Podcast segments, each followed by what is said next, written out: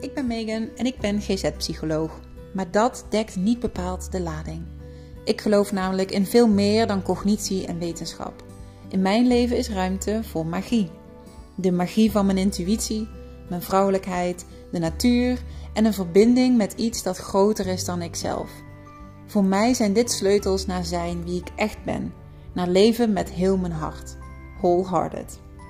In deze podcast neem ik je mee op mijn pad naar een wholehearted life en een wholehearted business en deel ik ongefilterd en soms kwetsbaar over alles wat ik onderweg tegenkom.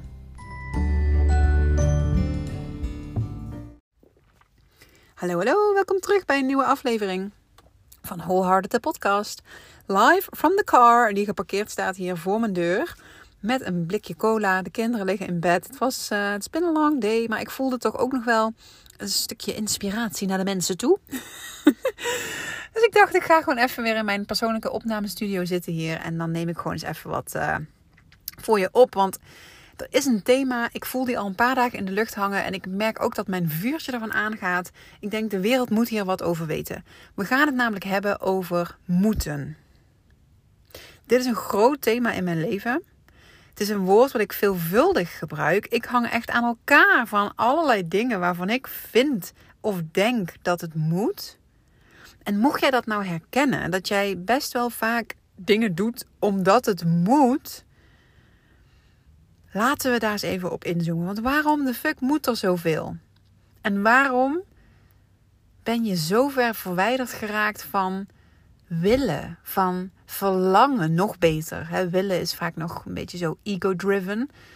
Maar verlangen, voel je het verschil alleen al van die woorden? Het moet, ik wil het of ik verlang ergens naar. Dat is anders, hè? Moeten is heel vaak niet iets wat uit jouw essentie komt, wat uit jouw hart komt. Daar moet namelijk niet zo heel veel in, in de kern van wie jij echt bent, mensen die, die echt in contact staan, in verbinding zijn met zichzelf, die moeten vaak helemaal niet zo heel veel. Echt niet. Die voelen waar ze naar verlangen of wat ze van daaruit nodig hebben.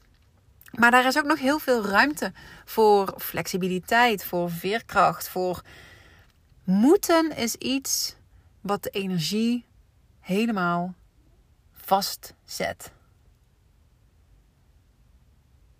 En je doet dat niet voor niks. Ik neem af en toe een slokje van mijn cola. Hè? Als je denkt, wat duurt het lang? Dramatische pauzes? Nee, dan ben ik even aan het drinken. Kijk, moeten komt niet vanuit jouw ware aard. Moeten komt niet uit je hart. Waar komt moeten dan vandaan? Nou, meestal tegen de tijd dat jij deze podcast luistert en dus opgegroeid bent en al helemaal aan elkaar hangt van allerlei overtuigingen en leefregels, moeten zijn over het algemeen dingen van andere mensen die jij eigen bent gaan maken, die jij bent gaan overnemen. Dat iets op een bepaalde manier moet en dat het dan pas goed is, dat is vaak geïnternaliserende zo geïnternaliseerde. Ja, jongens, ik heb ook al een lange dag gehad, hè. Met weer een gebroken nacht. De tering. Oh, en ik zit aan het begin van mijn menstruatie. Dan heb ik altijd net wat minder ruimte voor bullshit. Dus dan krijg je ook altijd gewoon de speaker of truths. oh, en ik er helemaal afgeleid van. Oké, hear me out. De meeste dingen die jij moet, zijn dus stemmen van andere mensen die in jouw hoofd zijn geïnternaliseerd. Leefregels in jouw hoofd, die zitten vaak letterlijk daar in je hoofd. Die komen niet vanuit je hart, die komen niet vanuit je essentie. Op het moment dat jij heel veel bezig bent met moeten, dan ben jij bezig met het voldoen aan allerlei verwachtingen. En het kan heel goed zijn dat jij inmiddels allerlei verwachtingen hebt van jezelf. Allerlei regels, allerlei als dit, dan dat. Um, om eens een voorbeeldje te noemen, in mijn hoofd zit bijvoorbeeld dit. Als het huis opgeruimd is, dan pas kan ik ontspannen. Als alles af is, dan pas kan ik relaxen. Dat slaat natuurlijk helemaal de fuck nergens op. Los van dat we wel weten hè, dat, dat een opgeruimde omgeving wel bijdraagt aan rust in je hoofd, is dat natuurlijk niet een vereiste om met je kont op de bank te kunnen gaan zitten en de boel even de boel te laten omdat je gewoon voelt dat je verlangt naar rust. Dat moeten is een enorm beperkend iets, maar dat zit heel erg in mijn hoofd. Waarom zit dat in mijn hoofd? Omdat ik heb gezien dat het zo werkte. Mijn moeder die ging ook echt niet zitten hoor, voordat alles aan kant was. Dus je pikt onbewust een hele hoop dingen op. Nou, waar komt dat bij haar weer vandaan? Nou, bij haar zit dat weer in haar ehm, gezin van herkomst. Dus zo hangen wij aan elkaar van allerlei regeltjes en dingen die we denken dat we moeten. En vinden we intussen ook soms echt dat het moet? Ja, maar het moet toch gewoon? Bullshit. Laatst nog. Vlak voor de vrouwencirkel over Inner Child um, ben ik bij een vriendin en die haalt gewoon bellenblaas tevoorschijn. En die begint met haar tweejarige zoontje binnen in huis bellen te blazen. Oh, ja, maar dat moet toch buiten? zei ik helemaal verbouwereerd. Dat mag toch niet binnen?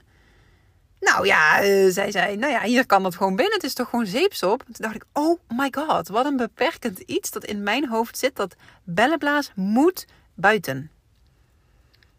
Zo, denk eens even na. Al die dingen die jij vindt dat je moet. Regels die jij in je hoofd hebt zitten. Heel vaak komen ze in essentie niet vanuit jouzelf. Je hebt gewoon gezien dat dat zo hoorde. Dat was misschien normaal bij jou thuis. Of je hebt vooral misschien gezien dat als dat niet gebeurde, dat er dan een hoop gezeik was. Waardoor jij bent gaan, gaan imprenten van, oh ja, als aan deze voorwaarden is voldaan, dan is het goed. Dan voorkom ik ruzie of voorkom ik commentaar. Dus dat is eigenlijk gelijk ook een tweede deel. Los van dat bepaalde moetens in jouw hoofd. Hè, dat dat dus overgenomen shit is die vaak dus al van generatie op generatie doorgaat, ben je soms ook in het dagelijks leven, nu in het hier en nu, nog steeds bezig met het voldoen aan de verwachtingen van anderen. Want waarom moet het? Denk eens na. Er zijn eigenlijk twee opties. Over het algemeen hè, ehm, is gedrag op één van de twee dingen gericht. Je bent ofwel iets positiefs aan het bereiken. Maar heel vaak ben je ook iets negatiefs aan het vermijden. Het vermijden van pijn is, is misschien wel de belangrijkste motivator voor ons om dingen te doen. En al die moetens, al die voorwaarden waar jij de hele tijd zo keihard voor zit te werken. En waardoor jij de hele tijd over jouw eigen grenzen gaat, jouw eigen intuïtie negeert, je eigen behoeftes en verlangens negeert. Omdat je maar allemaal zit te moeten. Je bent bezig met het voorkomen dat andere mensen jou kunnen bekritiseren, dat ze je kunnen afwijzen. Je zit gewoon in overleefmodus. En je hebt het niet eens door. Ja, nee, maar ik vind dat gewoon echt fijn om dat zo te doen. Als jij werkelijk naar je hart zou luisteren en werkelijk in verbinding zou staan met wat je echt verlangt en met waar je echt zin in hebt en behoefte aan hebt, weet ik zo zeker dat op zijn minst een deel van al die moedjes zou wegvallen. Ik durf er echt mijn hand voor in het vuur te steken. Je bent namelijk plusjes aan het scoren. Je bent de kleine dopamine-hitjes aan het doen. Oh, ik heb dit gedaan van mijn lijstje. Ploink, ploink, ploink. Dit is letterlijk het geluid wat mijn to-do-lijst op werk, zeg maar, maakt. Ik heb aan mijn moedjes voldaan. Ik heb aan mijn verplichtingen voldaan. Niemand kan mij wat maken en ik heb even een lekker gevoel omdat ik alles goed aan het doen ben. Wat je aan het doen bent, is dat je je eigen voorwaardelijkheid aan het invullen bent. Jouw voorwaarden voor jou om goed te mogen zijn zoals je bent. Dat is wat je zit te doen. En stiekem hoop je, of misschien levert het je ook wel, erkenning op. je zoekt erkenning, je zoekt het vermijden van kritiek of oordelen of afwijzing. Je zoekt de korte termijn plusjes om je lekker te voelen. Ah, lekker, tenminste die hele keuken schoongemaakt. Nu mag ik ontspannen. Nee, bullshit. Als jij behoefte hebt en verlangt naar ontspannen, dan mag dat ook wel als de keuken een zooi is. En misschien dat het ook zo is dat jij niet die keuken moet doen, maar dat je misschien eens wat hulp zou mogen vragen. Om te zorgen dat je toekomt aan je verlangens en je behoeftes. Want waarom moet het? En waarom moet jij het? Ik wil echt je meegeven dat je daar kritischer op mag zijn. En ik heb een vraag waarmee je dit kunt doen. Hij is heel simpel. Ik gebruik hem heel vaak met, met cliënten ook. Let op. De vraag luidt: Moet ik dit nu doen? En de reden dat ik hem zo zeg, is omdat je op elk woord de klemtoon, de nadruk kunt leggen. Hear me out. Moet ik dit nu doen? Moet het echt? Of is het misschien iets wat ik graag wil? Of moet het misschien helemaal niet? Het kan soms ook alleen al in taal zitten. Hè? Um, gevoelsmatig kan het heel goed zijn dat het heel anders voor je aanvoelt als je zegt: Ja, ik moet wel echt nog even nieuwe kleren gaan uh, uitzoeken, want niks past me meer. Stel je voor dat je hem reframet naar dit. Ik wil graag, of ik mag, weer wat nieuwe kleren voor mezelf gaan uitzoeken, zodat ik weer kleding heb die me past. Dit is namelijk iets wat waarschijnlijk komt vanuit een verlangen. Maar omdat je zo gewend bent om te moeten, maak je hier ook weer een moedje van. Oh, ik moet dat wel nog doen. Nee. ik wou zeggen, nee, bitch. My god, the energy is fucking feisty hier. Anyways, hè, dus soms is het een, een, taalkundig dingetje. Soms mag je er überhaupt op gaan letten van hoe vaak zeg ik niet dat ik even iets moet doen. En kan ik het veranderen naar ik mag of ik wil graag. Of ik kan. Kijk eens of je taalkundig gezien al wat ruimte voor jezelf kunt creëren. Maar deze vraag, die moet ik dit nu doen, die gaat in essentie in de eerste plek over: moet het echt? Is het van levensbelang? Is het gevaarlijk als ik het niet doe? Doe ik er iemand schade mee berokkenen als ik het niet doe? Hoe erg moet het nou werkelijk? Ben, begin maar eens met daar eens kritisch op te zijn. Waarom moet het? En is er ook een alternatief? Moet ik dit nu doen of hoeft het misschien helemaal niet zo nodig? De tweede. Moet ik dit nu doen? Misschien moet het wel gebeuren, maar moet jij het dan per se doen?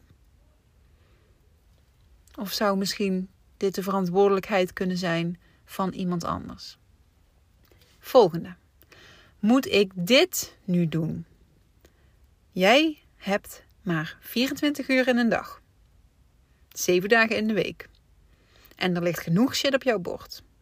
In de tijd die jij op dit moment hebt, is dan deze activiteit echt hetgene wat jij nu wil doen? Maak een keuze. Misschien is er wel heel iets anders wat veel fijner of beter zou zijn. Maar omdat je nu eenmaal vindt dat iets moet, zou je je daarmee per se gaan bezig moeten houden. Nee. Bekijk de opties. Is er iets anders wat ik misschien beter in deze tijd zou kunnen doen? De volgende. Moet ik dit nu doen? Misschien moet het wel gebeuren. En misschien dat jij ook degene bent die het het beste kan doen. Maar moet het nu, lieve schat? Nu, nu, nu. En als je denkt, ja, het moet nu, waarom moet het dan nu? Wat gebeurt er als je dit niet nu doet? Wat gebeurt er als je het doet nadat je even een kwartier hebt gezeten? Wat gebeurt er als je het morgen doet? Wat gebeurt er als je het volgende week doet? Voel eens even, hoeveel rek heb ik hierop? Want hoeveel dingen die jij met de grootste druk en haast en noodzaak nu allemaal aan het doen, met hoeveel dingen moeten echt nu? Ja, maar het is gewoon fijn als dit en dat en dat. Weet je wat fijn is? Goed voor jezelf zorgen, dat is fijn. Genoeg rustmomenten nemen, dat is fijn. Doen waar je hart van gaat stralen, dat is fijn. Die moedjes afhandelen. Mm, girl, think twice. Oké. Moet ik dit nu doen? Is die actiemodus wel waar ik meteen in moet schieten? Of is er misschien iets anders nodig? Bijvoorbeeld eerst meer informatie verzamelen. Of nadenken over de opties. Of iets voorbereiden. Of misschien moet ik aan iemand hulp vragen. Moet ik gelijk in de actiestand? En zo zijn we eigenlijk rond. Moet ik dit nu doen? Een super krachtige en simpele tool om jezelf wat af te remmen in het moeten. Dit is natuurlijk een, een tool op gedragsniveau. Hè?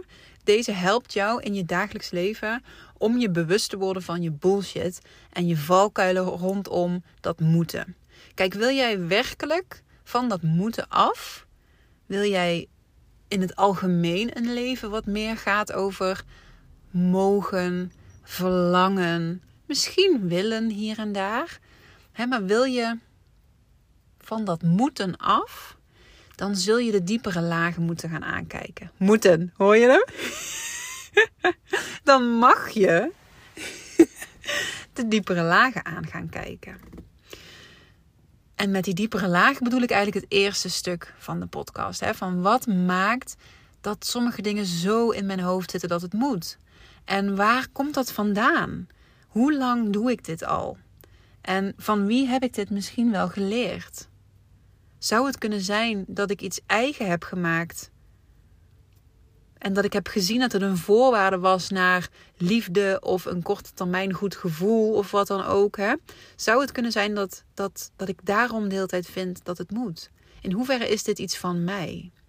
En op het moment dat je helemaal zo jezelf dus intussen getraind hebt hè, van, van die voorwaarden, van ja, maar ik kan pas me ontspannen als alles af is, alles in die categorie. Ja, weet je, ga jezelf ook maar dan eens uitdagen om die voorwaarden er eens af te gaan halen. Of de volgorde eens om te gaan draaien.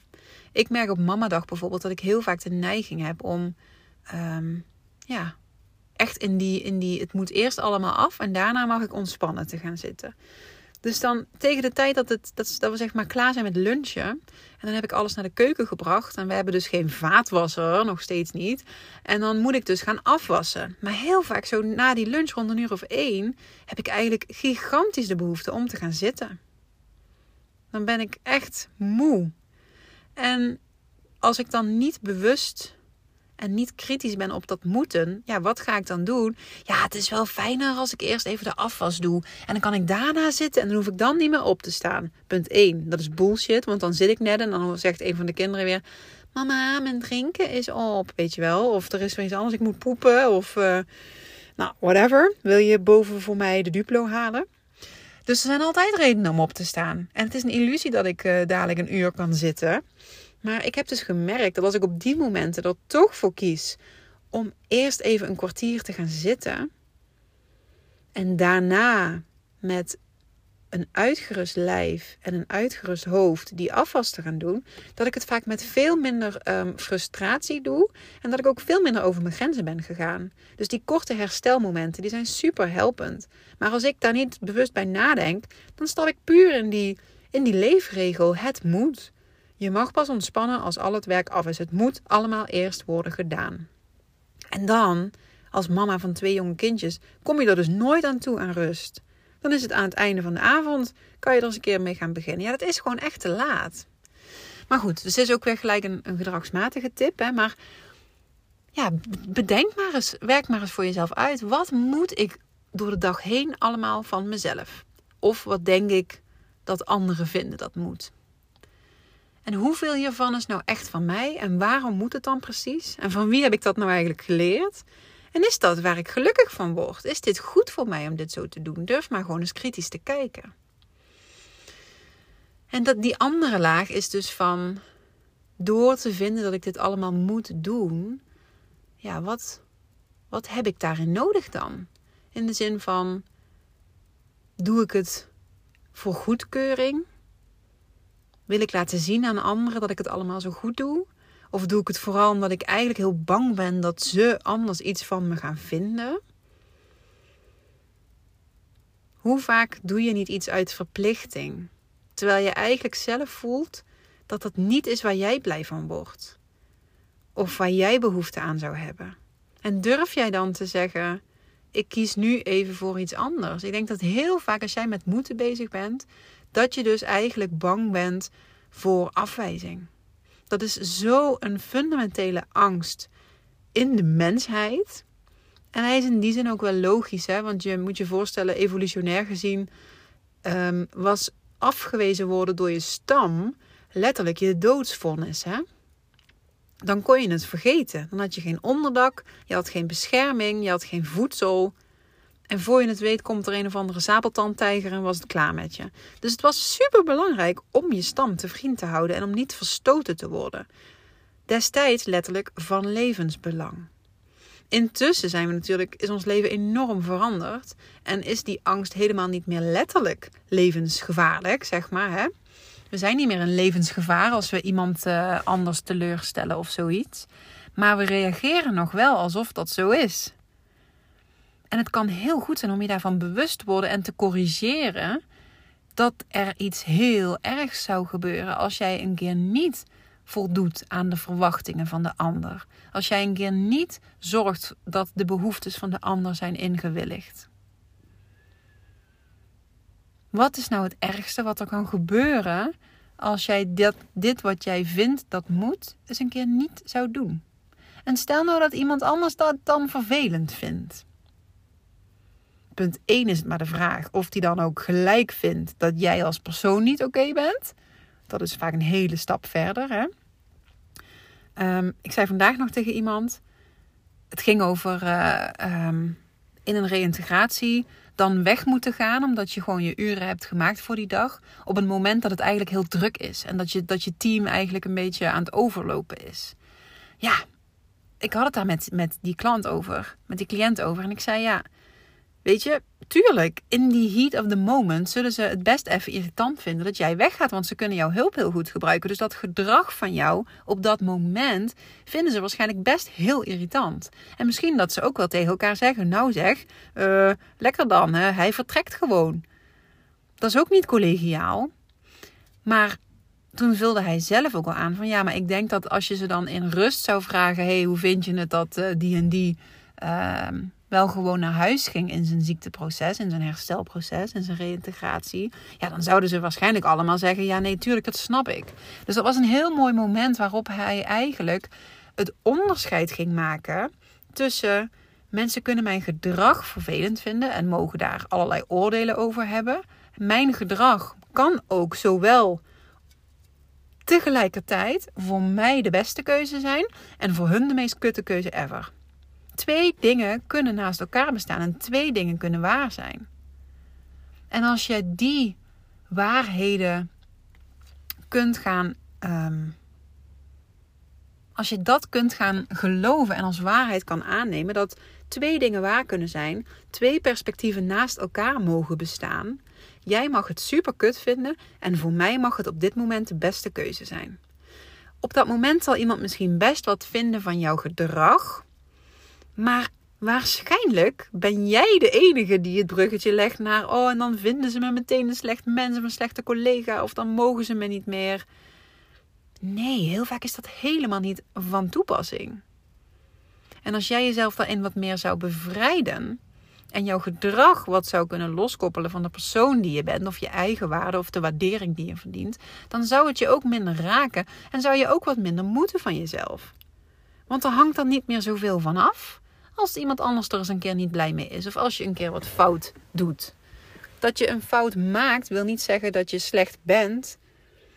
Maar dat is wel vaak de koppeling die we maken. dat we gedrag en persoon aan elkaar koppelen. En stel nou dat iemand zegt, hè, omdat jij weggaat terwijl de collega's het nog druk hebben. Stel dat iemand zegt: Oh, een waardeloze collega. Echt, dat doe je toch niet? Ik vind dat zo, uh, weet ik veel wat. En dan echt jou als persoon, zeg maar, gaat zitten bashen. Als die persoon dat nou roept, does that make it true? Ik vraag het me af. Want ik denk namelijk in de kern dat mensen goed zijn. En mensen doen soms shit die voor andere mensen niet fijn is. En het probleem is dat je nooit iedereen blij kan maken, want iedereen heeft andere behoeftes. Maar jouw probleem is dat jij wel steeds die van de ander boven die van jezelf stelt. Met al dat gemoed. En dat is soms dus zo geïnternaliseerd dat je helemaal niet meer, überhaupt niet meer, jezelf afvraagt: hoe zou het eigenlijk voor mij fijn zijn? En wat verlang ik nu eigenlijk? Wat zegt mijn hart? Je hoofd heeft altijd een to-do-lijstje klaar. Die weet precies wat je kunt doen om goedkeuring te krijgen, om pijn te vermijden, om in je veilige haventje te blijven. Maar oh, als jij alleen maar leeft van moetje naar moetje, van to-do'tje naar to-do'tje, het leven gebeurt gewoon onder je neus, hè? Je vergeet gewoon om te genieten. En voor je het weet is het gewoon weer fucking voorbij. Of gebeurt er weer iets zoals in het leven gewoon altijd shit gebeurt. En dan heb jij alleen maar je to-do-lijsten zitten afwerken. En dan kan je het morgen weer doen. Want morgen is dat aanrecht weer een zooi. Morgen ligt dat speelgoed weer overal. You're chasing something. Je bent iets aan het najagen wat jou niet, helemaal niet vervult. Je bent je bezig aan het houden met dingen die helemaal niet zijn waar het leven over gaat. En soms is dat ook gewoon letterlijk een vlucht om maar niet die stappen te hoeven zetten die misschien moeilijk zijn. Want bezig blijven met allerlei dingen die moeten, betekent in sommige gevallen ook niet hoeven te voelen wat er in de stilte allemaal gevoeld wil worden, wat er allemaal naar boven komt. Wil je misschien helemaal niet voelen dat als je stilstaat en eens even kijkt naar jezelf en naar je leven, dat je er misschien helemaal niet meer zo gelukkig van wordt. En dat je daarom maar al die korte termijn dopamine hitjes van je to-do-lijstje aan het najagen bent. Het kan ook heel eng zijn om die reden om het moeten wat meer los te laten. Want stel je nou eens voor dat jij iets anders verlangt dan dat jouw realiteit op dit moment is. Dat is best wel heftig.